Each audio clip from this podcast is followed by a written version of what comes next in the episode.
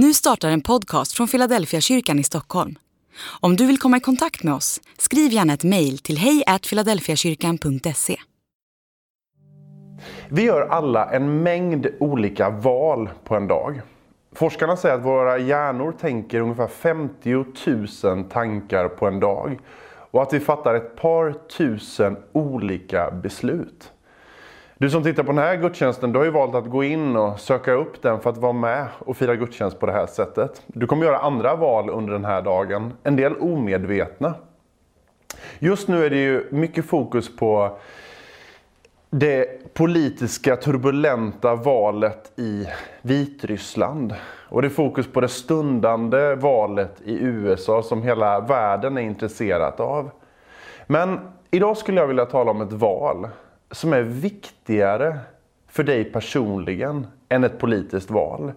Jag skulle vilja hävda att det finns inget val som kommer få större och mer positiva konsekvenser för dig och ditt liv än det här valet. Nämligen att välja Jesus.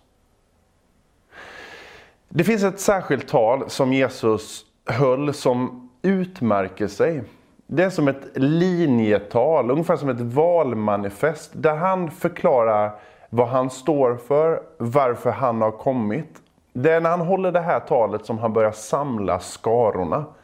Det här är innan han har en enda lärjunge.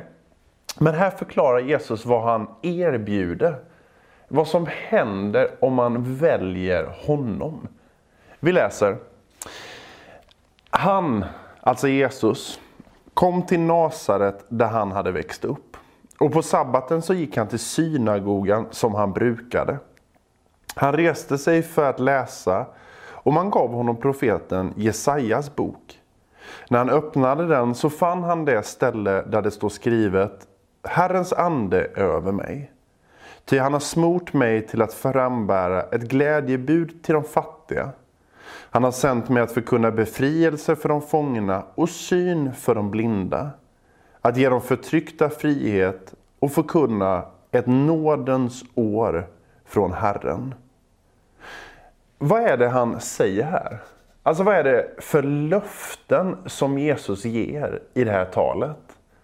Ja, men för det första så lovar Jesus glädje för de fattiga.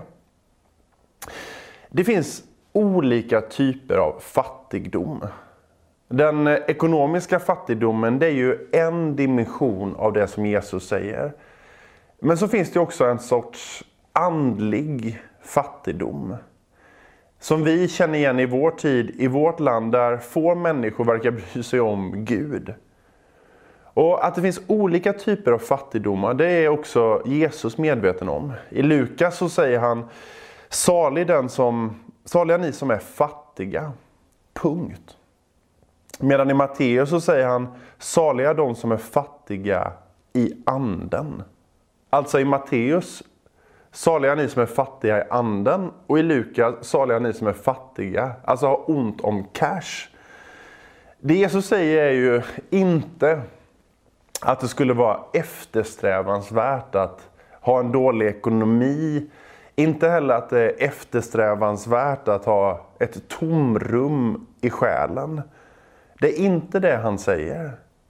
Men det Jesus säger det är att när du inser att du själv saknar resurser för att förändra din situation. Just där och då säger Jesus att du är salig. Och då tänker man, hur kan man vara salig, hur kan man vara lycklig, hur kan man vara glad just i den situationen?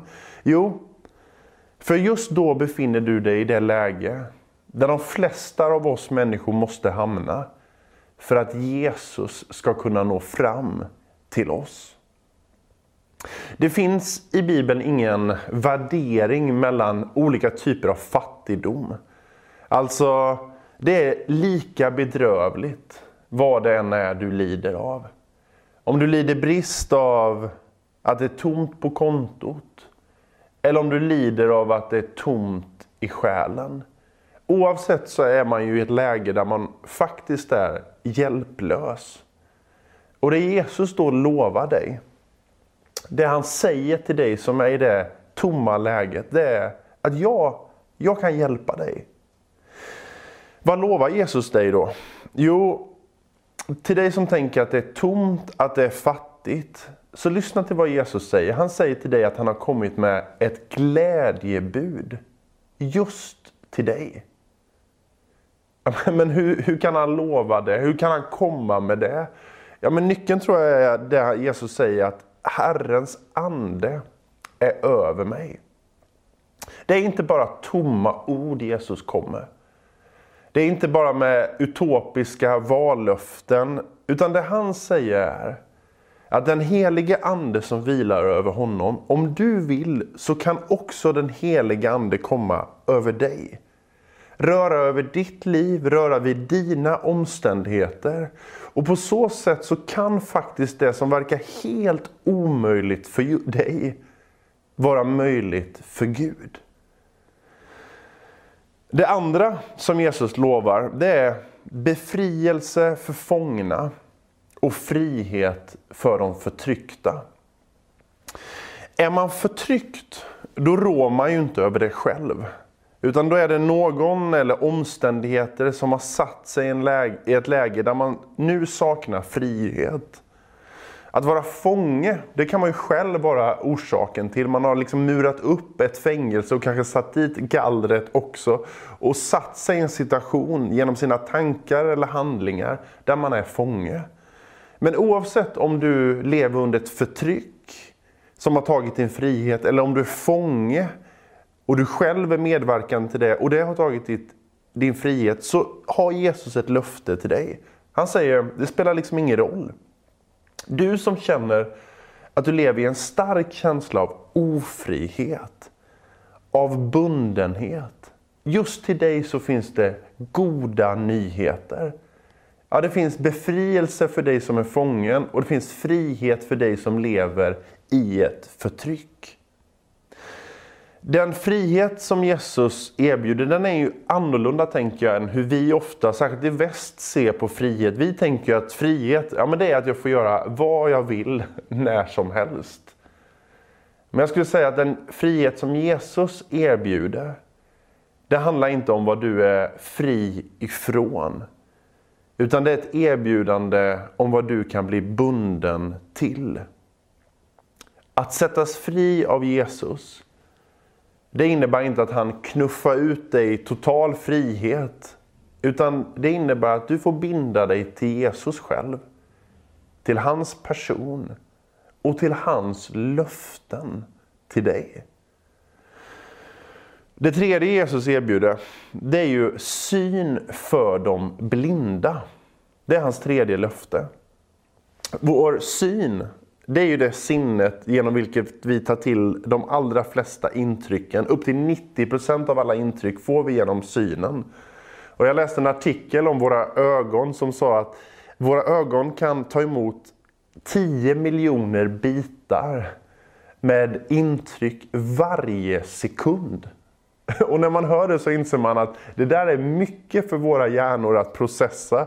Och det är väldigt mycket som vill ta plats i ditt och i mitt medvetande. Det Jesus talar om här, det är ju inte bara de som är blinda i de, med de fysiska ögonen. Utan han talar ju också om att vara blind för sin inre syn. Man skulle vilja kalla det en sorts hjärtats blindhet. När man inte kan se vad som är viktigt. Ja, när man kanske inte kan se Gud. Då är man enligt Jesus blind. Och du som tänker, ja men jag ser så fel ibland. Jag tolkar fel, jag har fel perspektiv. Jag är, jag är som blind. Till dig säger Jesus, jag har ett glädjebud. Och till dig som tänker, ser Gud verkligen mig? Är jag bara en liten prick i universum eller bryr sig Gud om mig? Till dig säger Jesus, det finns ett glädjebud till dig. Och till dig som tänker, det finns ingen som ser mig. Jag är liksom osynlig för andra människor. Det är som att jag inte existerar. Det finns ett glädjebud till dig. Och det glädjebudet det är att Oavsett om du känner dig obetydlig och osynlig för andra människor, så ser Gud dig. Han ser ditt hjärta. Han ser dina tankar. Han ser när du är ledsen. När du känner att du inte orkar mer, då ser han dig. Och du tror inte kanske att Gud ser dig, men det gör han. Och eh, det du skulle behöva göra det är inte att bara få ta till dig tanken att Gud ser dig, utan du skulle också behöva få se Gud. Du skulle behöva få se vem Jesus är. Alltså när du får lyfta blicken från allt det andra som finns runt omkring dig, när du får höja perspektivet, så skulle du behöva få se en Jesus som älskar dig, som känner dig och som faktiskt har gett hela sitt liv för just dig. Jag tror att Jesus kan röra vid både dina och mina fysiska ögon, men också vid våra hjärtan hjärtats ögon. Och idag kan du få be till Gud, ja men Gud, bota min blindhet. Låt mig få se den här världen, låt mig få se andra människor och låt mig få se mig själv med Jesus ögon. I slutet av den här sommaren så hade jag eh, förmånen att få vara med och döpa en kille som, eh, som heter Madis. Och jag skulle gärna vilja dela med mig av den stunden med er i ett filmklipp alldeles strax. Madis, han eh, har ingen kyrklig bakgrund. Han blev medbjuden till vår gudstjänst på Norra Latin innan vi fick stänga ner där. Och efter den gudstjänsten så valde han att gå en alfakurs och sen här i slutet av sommaren så valde Madis att döpa sig.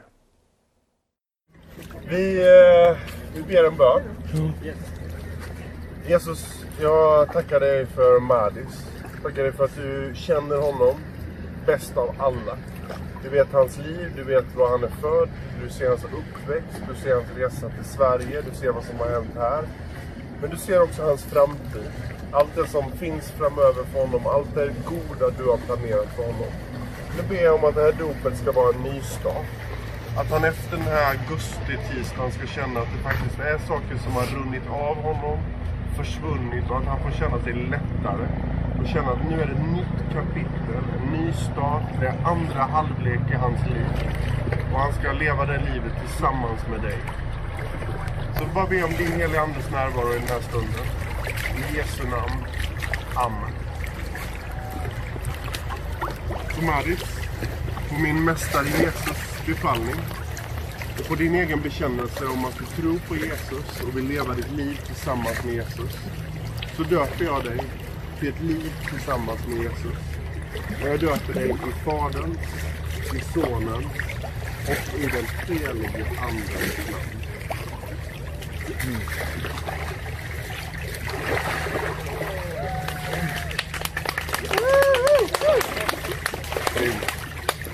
Den här dagen den beskrev Madis som en av de bästa dagarna i hans liv.